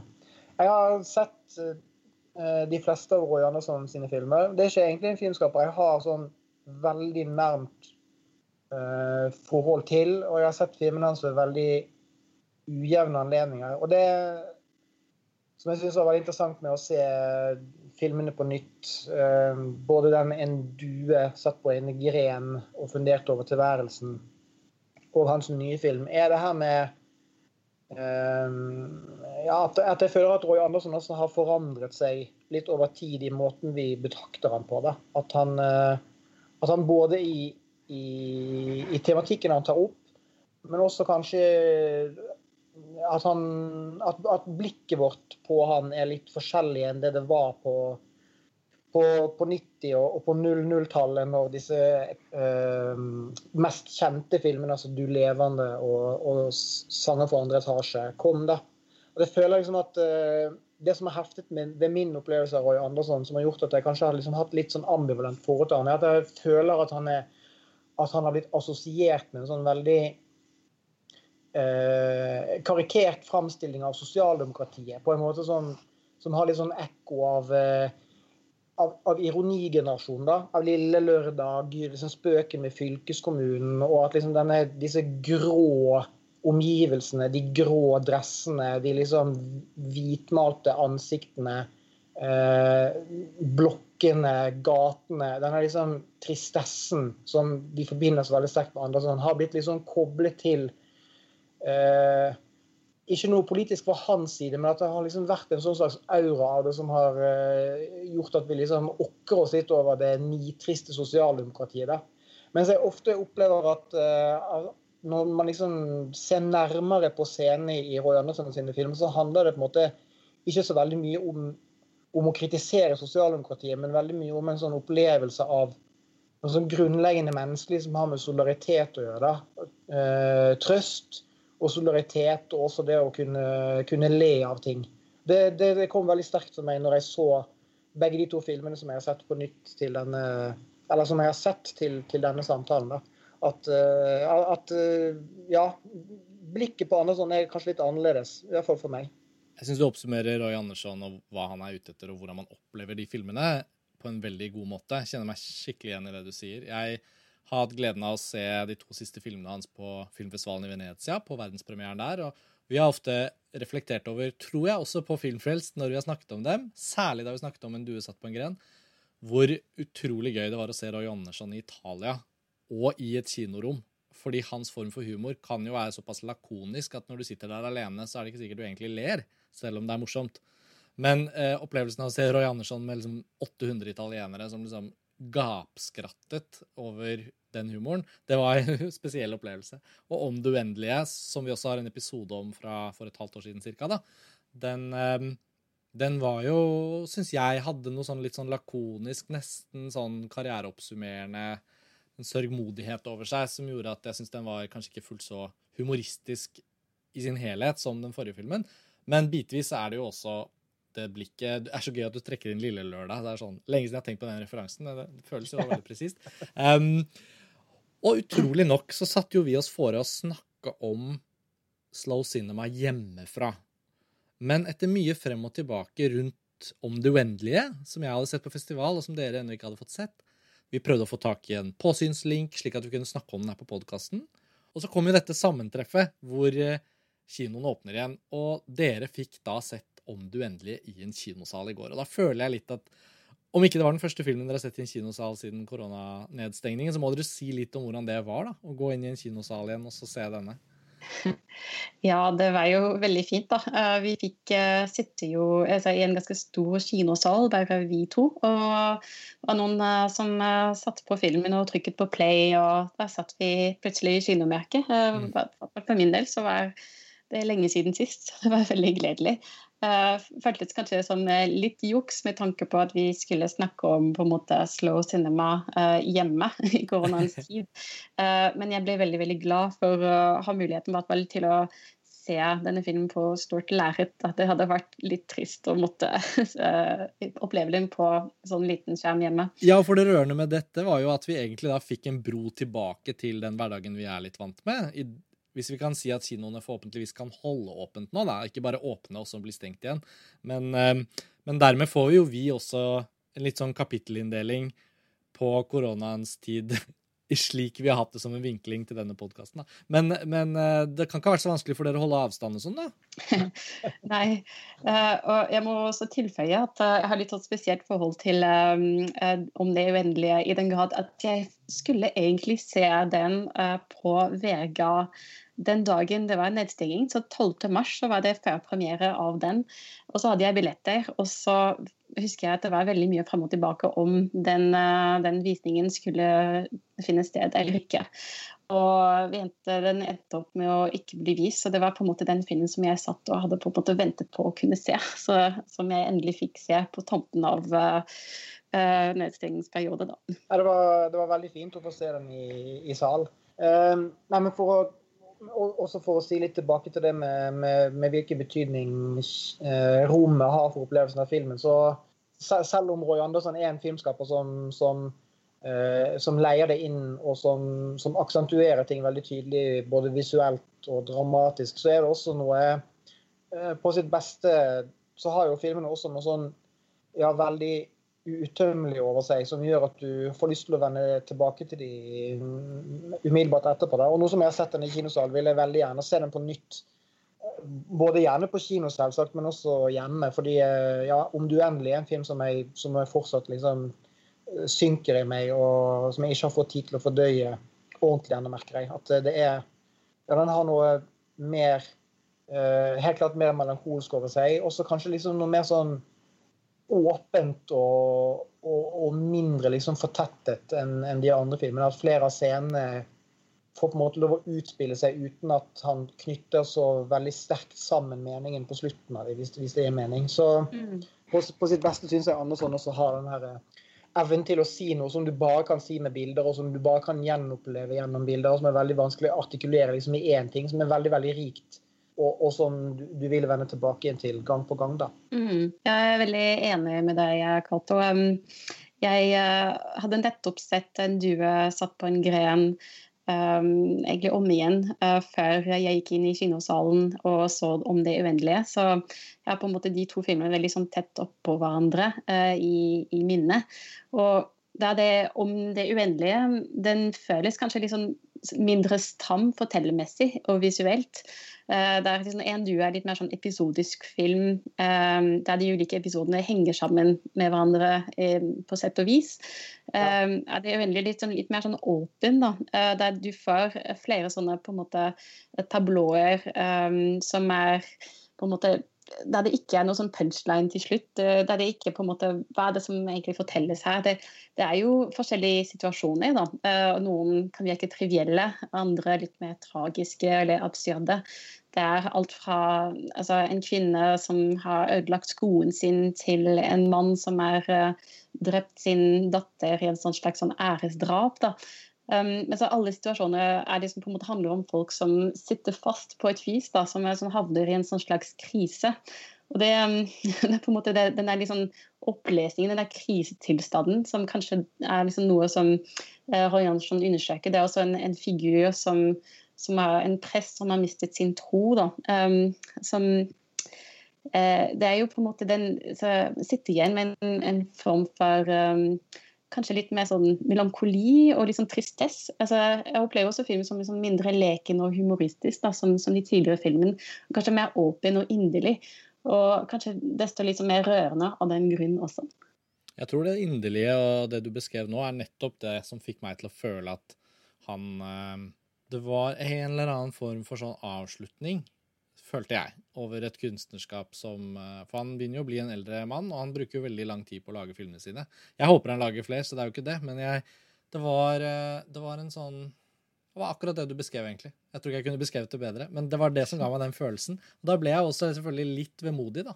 Um, mm. Fordi han står så utrolig sterkt i en helt han har på en måte meislet seg ut sitt eget felt innenfor den nordiske filmen, samtidig som jeg føler vi kan se hans avtrykk eh, Det har inspirert ganske mange andre nordiske filmskapere til også å jobbe med tablåer, eh, og også å forsøke å og om ikke de leter etter en form for slow cinema, da. Eh, det er ikke sikkert det er mange filmskapere som aktivt prøver å bli slow cinema-regissører, men det er jo ingen tvil om at Roy Andersson er ledestjernen i denne delen av verden på akkurat det han gjør. Og jeg, jeg, jeg, jeg har, har veldig liksom hjerte for uh, den filosofien hans, selv om han også ofte er veldig sånn skarp og, og kritisk, så syns jeg han har en sånn varme i filmene sine som er um, Ja, som jeg tror også veldig kommer til å stå seg. Det føles nesten som et slags forfatterskap.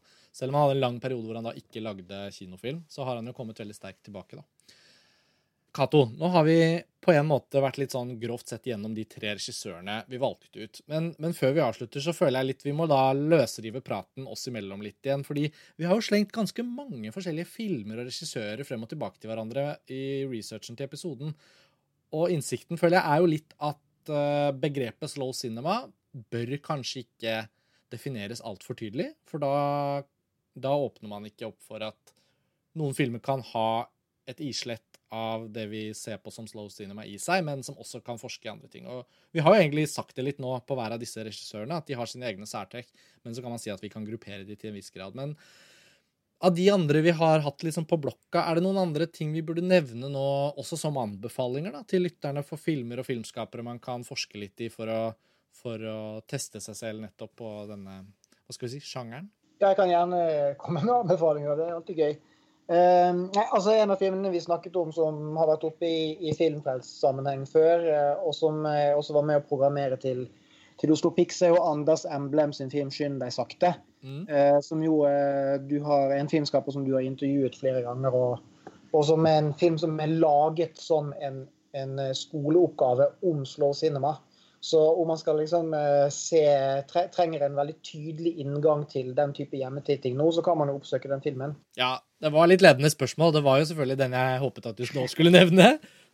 Fordi vi har jo, Det er jo litt sånn utrolig at uh, vår lille norske filmkultur, som er veldig opptatt av publikumsvennlighet og blockbustere, tross alt uh, har hatt ganske få tilfeller, i hvert fall post Bent Hamer, da, så har vi ikke hatt så mange tilfeller som har forsket i nettopp dette. Så Anders Emblem, som det er jo hans spillefilmdebut, mm. og som du sier, gjort som en, eh, på en måte en del av en masteroppgave. Men, eh, men den har jo da tatt, fått et sånt festivalliv som mange norske filmer ikke får. da. At den har blitt programmert på nettopp eh, festivaler hvor de er opptatt av denne typen film. og Dere inviterte han jo til Oslo Pix. Hva var det med den filmen som fascinerte deg da du så den første gang? Det at den er utrolig god til å være en eh, debutfilm. Det er jo en klisjé å si det, fordi mange debutfilmer er jo liksom ofte Noen filmskapere lager jo sin, sin beste film på, på, første forsøk, men uh, for å relatere til Slow Cinema, så er jo dette en, en film som på en formmessig og i uttrykket sitt er veldig gjennomtenkt. Da. Altså Det er Slow Cinema av en grunn, for den er tilpasset et eh, både et helt spesielt liksom, fysisk kyst- og øylandskap, og også et veldig spesifikt mentalt landskap som de to hovedpersonene befinner seg i. Det er jo en, eh, en søster som er omsorgsperson for en bror som har en eller annen form for autisme eller diagnoser som gjør at han ikke fungerer så godt på, på egen hånd. Og så handler det om deres relasjon og om hennes eh, gradvise lød, løsrivelse og aksept for at han skal få eh, sitt eget liv. Mm. Og at det er veldig mange sekvenser i den filmen som på en måte spiller på eh, vår eh, villighet til å lene oss inn i og ta del i filmen. At det, det, det spiller på vår evne til, til tålmodighet og, og, og bevisstgjøres veldig på publikumsopplevelsen. da. Eh, og at, og at, det gir en mening, fordi det liksom er tilpasset en opplevelse som eh, for henne er, og for broren er veldig bygget opp av rutiner. Av det å håndtere kjedsomhet og, og av det å forholde seg til tid. At liksom denne uka så er broren sammen med meg ute på øya. Denne uka har jeg fri og kan drive med musikken min på egen hånd. Hun er jo sånn amatørmusiker. Så den er veldig sånn uh, Det er et veldig godt valg av Eh, filmspråk til den handlingen det skal foregå i. Da. Det er ikke liksom slow cinema som show-off. Det er slow cinema som et veldig bevisst uh, kunstnerisk uttrykk. Så er den, mm. den er kort, og den får sagt utrolig mye i bilder uh, uten dialog, samtidig som den også har veldig godt skuespill. Så det er først og fremst en, en veldig god film, og som det var veldig gøy å ha med i det programmet som vi satte den i, det, med norsk uavhengig film. Ja, filmen er god, og den havner jo også i en sånn uheldig sjanger for veldig lavbudsjettert norsk film som sliter med å få en klassisk distribusjonsavtale for å komme seg ut på kino, komme seg ut i publikum. Men den var jo på festivalene og hadde et liv der. Og til min store glede før i dag, for researchens skyld, så tenkte jeg hvordan skal man få sett Skynd deg sakte, da? Og vips, så viser det seg at den er akkurat da sluppet digitalt nå på nettkino. Den ja. norske strømmetjenesten. Så Skynd deg sakte er faktisk nå mulig å leie digitalt der. Så det er jo også en oppfordring, da. Og i motsetning til Jean Dielmanns eh, ja, tre og en halv time spilletid, så er jo Skynd deg sakte en 67 minutter lang film som virkelig er verdt det. Og jeg tror mange vil oppleve at det er en liten oppdagelse. I hvert fall hvis man er vant med norsk film som en litt mer sånn mainstream eh, form. Så jeg vet ikke om du har sett den, jeg, Chloé, men den Nei, um, jeg har bare hørt om 'skynd deg sakte' som et slags sånn ordtak innenfor sånne løpeveten. Da. Men uh, nei, jeg, uh, jeg, skal absolutt sjekke den ut. På filmskolen på Lillehammer hadde vi en uh, klippelærer som var sånn fransk dokumentarklipper. Som fantastisk og fin fyr. Olivier Ramat. Og han hadde det som et sånn fast begrep når vi satt og jobbet med å klippe og komme og rekke en frist og sånn, så kom han alltid inn og sa sånn Nå, nå måtte ni skynde dere sakte og så tenkte jeg litt på det og sa ja, det var både oppmuntrende og litt skummelt. Men uh, jeg har litt lyst til å også nevne disse denne filmskaperduoen som lagde den japanske kannibaldokumentaren Kaniba. Uh, Lucien Casteng Taylor og Verena Paravel. Verena Parabel, ja. For de er, det er jo to filmskapere som vi støter på ofte ute i festivallandskapet. I hvert fall Cato, du og jeg. Vi har snakket om de et par ganger før. Og jeg har sett eh, både Kaniba og ikke minst denne Somnilok, som eh, de viste på Forum i Berlin for noen år siden. En film som i praksis handler om å være i søvne. Altså det, det, er liksom den absolutte klisjeen på Soul Cinema. Og Lars Ole Kristiansen og jeg vi satt der og så den og innså at ja, men når filmen nærmest ber oss om å ta en blund, da må vi jo ta en blund. Det gjorde vi. Det var en veldig spennende film. Og så har de laget denne um, jeg kaller det fiskebåteksperimentellfilmen. Som, uh, som jeg aldri har fått sett, men som jeg har på DVD. Den vet jeg du har sett, Cato. Hva, er det med de to her som gjør at Fordi du nevnte dem ganske tidlig når vi skulle finne ut av med slow cinema. Det er jo ikke helt sånn at de i alle filmene er like slow, i den grad de mest av alt er eksperimentelle. For jeg føler eksperimentell film og slow film er jo to sånne ting Nei, slow cinema er jo to sånne ting som møtes ofte. Er det noen differanse der man bør ta høyde for, syns du, eller? Ja, altså Eksperimentell er sånn begrep jeg har litt uh, vanskelig for det òg, egentlig. Fordi det kan bety så mangt. Altså, det, det, er mange filmer som kan være eksperimentelle og utforskende. Mm. Men uh, i den grad betegnelsen gir mening på de, så er det jo mer at det handler om å bruke liksom, filmmediet til noe annet enn å egentlig lage en filmfortelling som er ment å ses på som en film. At det også handler om eh, For å ta den filmen som du alluderer til her, som heter 'Leviatan', som er en, en eksperimentell fiskebåtfilm. Det handler på en måte veldig mye mer om en, sånn, en form for uh, antropologi, egentlig. da, Der også det å skildre et helt bestemt sted og et bestemt miljø og en bestemt levemåte uh, kanskje er det som liksom kommer forut for selve ønsket om å skape en film uh, som en formatert filmopplevelse per se. da. Mm. De springer ut fra et sånt miljø som eh, heter noe sånt som eh, eh, Sensory Ethnographic Lab, som er knyttet til uh, Harvard-universitetet. Mm. Uh, og, og, der ligger måte, noen nøkkelord. Da. Sensory, den veldig sterke vektleggingen av, av sanseopplevelser. At det er det som står i forgrunnen snarere enn en fortelling. Og også ethnographic, at det handler om å utforske en bestemt levemåte. Som også den Leviatan gjør. Da. Jeg har også hatt veldig stor glede av å se en uh, film de har laget om, uh, om gjetere uh, sauegjetere uh, i Montana, tror jeg, i USA, som heter Sweetgrass. Som jeg har sett på DVD hjemme. Som også er en film som krever uh, veldig sånn aktiv medvirkning, men som gir mye igjen for å, for å se. Da. Men de er nok enda lenger unna den, det fortellende ved Roy Andersson, og mye nærmere det vi også kan kalle avantgarde-film. da. Mm. Men det er absolutt å anbefale å se de filmene. Og det, det går an å se hjemme òg. Jeg bare tenkte at det hadde vært interessant å komme inn på det med akkurat det tidspunktet vi befinner oss i, sånn uh, avslutningsvis. da, At, ja. at uh, Hvorfor skal vi egentlig se disse filmene hjemme nå når måte, nå sitter vi og venter på at kinoene skal åpne igjen? og sånn? Ja, selvfølgelig. Dette med kinoopplevelsen, uh, som jeg har brukt mye tid på å liksom snakke varmt om, dette med liksom, fellesskapet, kvaliteten ved opplevelsen å eh, se film som liksom er kuratert og satt spesielt sammen i et program. Eh, å kunne delta, møte filmskapere, bidra i en liksom større samtale om film. Altså, alt det er jo veldig viktig. Og det er jo den opplevelsen vi tørster etter å komme tilbake igjen til. Da. Samtidig som eh, koronaepidemien sånn, i et større samfunnsmessig bilde også har ledet oppmerksomheten hen mot at vi kanskje kan bruke denne tiden til å, å Uh, reflektere over livene våre og ting vi må gjøre annerledes. da. At Det er mm. ikke sikkert at det kommer til å være akkurat sånn i framtida som, som, det har vært uh, før 12.3.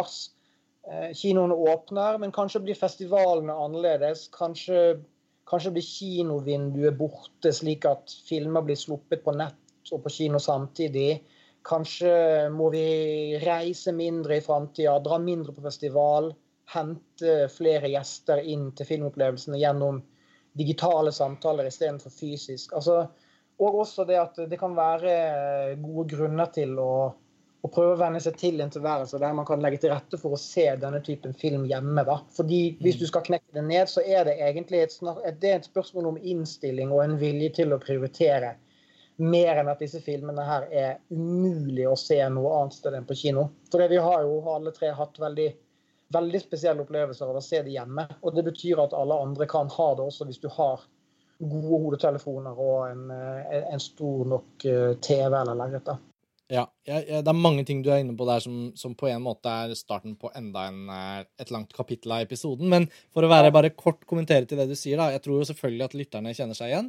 Og så tror jeg at en, en, en, en essensiell sannhet her, som selvfølgelig kan ta livet av noe av optimismen, er jo at uh, det krever sin dedikasjon å investere i denne typen film. Ja. Og det, det, med det så mener jeg også at realismen hjemme hos meg for eksempel, er jo at når jeg foreslår en film som helt åpenbart er en litt krevende film, og uh, for eksempel samboeren min trenger å bare koble ut og koble av, da er jo ikke det en representant for en typisk form for underholdning eller avslapping eller avkobling eller hva som helst. Så da må man jo hele tiden si at OK, realismen er at det ikke alltid blir så aktuelt. Og da kan jeg ofte tenke på at hvis vi avtaler å gå på en festivalfilm, og vi skal til et kinorom, og vi skal konsentrere oss om den opplevelsen, så er jo hele rammeverket, sånn som vi kjenner det i den klassiske da, kinoopplevelsen, det er jo veldig godt egnet for å på en måte få oss til å stenge ute resten av samfunnet, alle som skal ha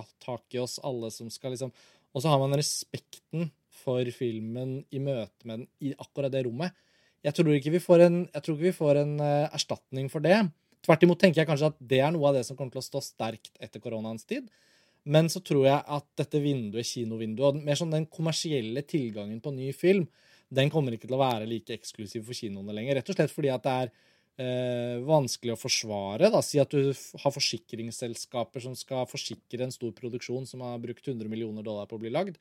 Så vil det jo sannsynligvis være i større større grad nå nærmest som en forventning å regne at hvis det kommer en pandemi, så har vi en forsikring som gjør at vi er sikre på at vi kan lansere denne filmen digitalt også.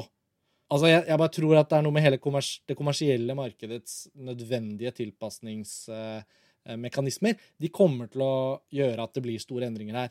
Men akkurat kinorommet som en form for katedral, da. Det er jo en sånn klisjé som filmelskere mhm. av og til liker å bruke. Men den respekten og liksom dedikasjonen, den får best rammer der, syns jeg. Tror jeg. Så er det jo avhengig av hvordan man lever, da. Ikke sant? Uh, hadde jeg fortsatt vært uh, litt yngre og litt mindre etablert, så hadde jeg kanskje bodd alene i en liten leilighet og hatt en stor TV eller hatt et lerret, og så kan jeg gjøre akkurat hva jeg vil. Om jeg vil bruke tre og en halv time på på Jean Dielmann, så gjør jeg det, liksom. Mens eh, livet er jo ofte en eh, forhandling da, med forskjellige elementer.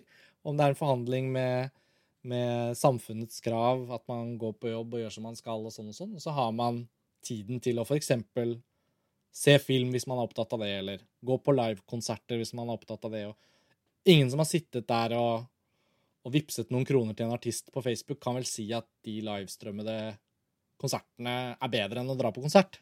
Nei, nei. Så, så, det er så stort lerret av diskusjoner som sikkert kommer til å komme nå i større og større grad. Da. Men jeg føler det har vært en liten del av vår, vi tre. Vi har hatt en liten dialog rundt slow cinema og hvilken rolle det har spilt i koronaens tid. Og det, og det kjenner jeg jo at vi har fått luftet litt av nå. da. Chloé, jeg vet ikke om du føler vi har glemt noe.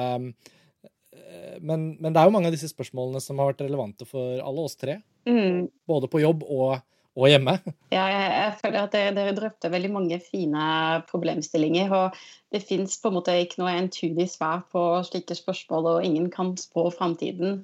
Men jeg, jeg kanskje tenker det sånn uh, på generelt grunnlag at uh, det er veldig mange som på en måte setter opp uh, kunst og strømming og underholdning og kino på en måte opp mot hverandre. da.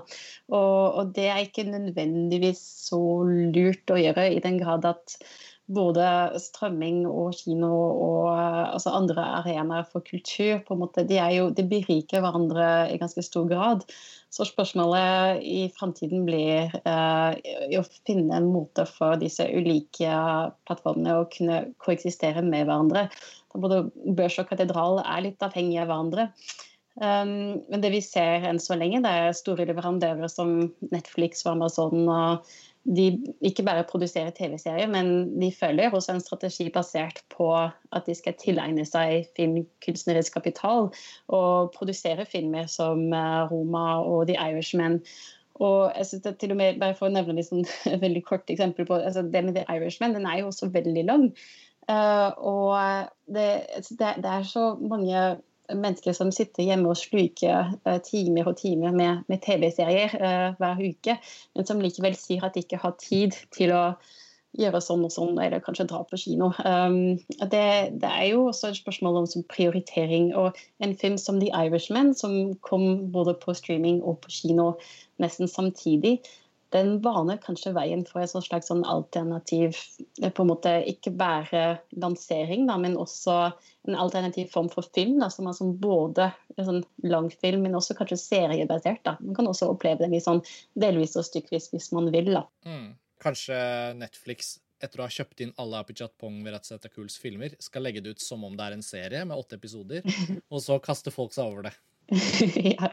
ja. men det blir det akkurat som uh, Apisha Pong spådde i hans uh, innlegg. Mm. Uh, jeg tror jeg kan finne sitatet her noe sted. Han snakker om uh, framtidens publikum som de opplyste. Uh, they want the cinema of now, which possesses no fillers nor destination. det føltes som et perfekt avslutningselement for vår episode. Cato, Chloé, brenner dere inne med noe, eller skal vi la Apichatpong få det siste ordet? Det syns jeg har fortjent. Ja, er fornøyd med det. For lytterne så kan vi jo da si fra om at eh, linken til dette brevet fra Apichatpong kul, den legger vi ut på montasj der hvor vi poster podkasten. For de av dere som da hører på i Apple eller Spotify som abonnenter, så kan dere da gå inn på montasje og finne linken til dette som han har skrevet om denne tiden. Og jeg håper jo at mange av lytterne kanskje har tenkt over noen av disse samme tingene som vi diskuterer her. da. Så kom med kommentarer og innspill enten i sosiale medier eller inne på montasje. Så er vi spent på å høre hva dere tenker. Og om dere har andre tips til denne litt sånn ubestemmelige, deilige sjangeren slow cinema, som i hvert fall vi tre erkjenner at vi har allerede fra før har vært ganske glad i, men som vi har kunnet ta litt sånn ekstra i bruk i koronaens tid. da. Eh, Cato, takk for at du har vært med på Filmfrelst for første gang. Håper du vil komme tilbake. Chloé, nå er jo du fast, nesten. Håper, håper, du også kommer tilbake igjen snarlig. Det neste som skjer nå, er jo selvfølgelig da at Montasj slipper eh, seg løs på den alternative Cannes-festivalen. Eh, vi starter tirsdag 12. mai, og da blir det festivalpodkaster og programmet finner dere på Montasjs nettsider. Alle kan være med. Det er masse film å velge fra. Mange av dem er digitalt tilgjengelig. Noen må dere skaffe på fysisk format. Forhåpentligvis har mange av dere allerede begynt med enten å rydde, rydde fram ting fra pappesker hvis dere har stablet film på loftet, eller kjøpt inn nye kopier av noen av disse filmene fra forskjellige filmbutikker. Jeg gleder meg i hvert fall veldig til festivalen, selv om det også hadde vært gjevt å være i Cannes, Chloé og Cato. Det blir jo et savn å ikke være der nede. Men uh, vi får håpe vi får en form for festivalfølelse likevel, da. Hjemmefra i koronaens tid. Tusen takk for at dere var med, uh, og takk til dere lyttere som hører på. Ha det bra!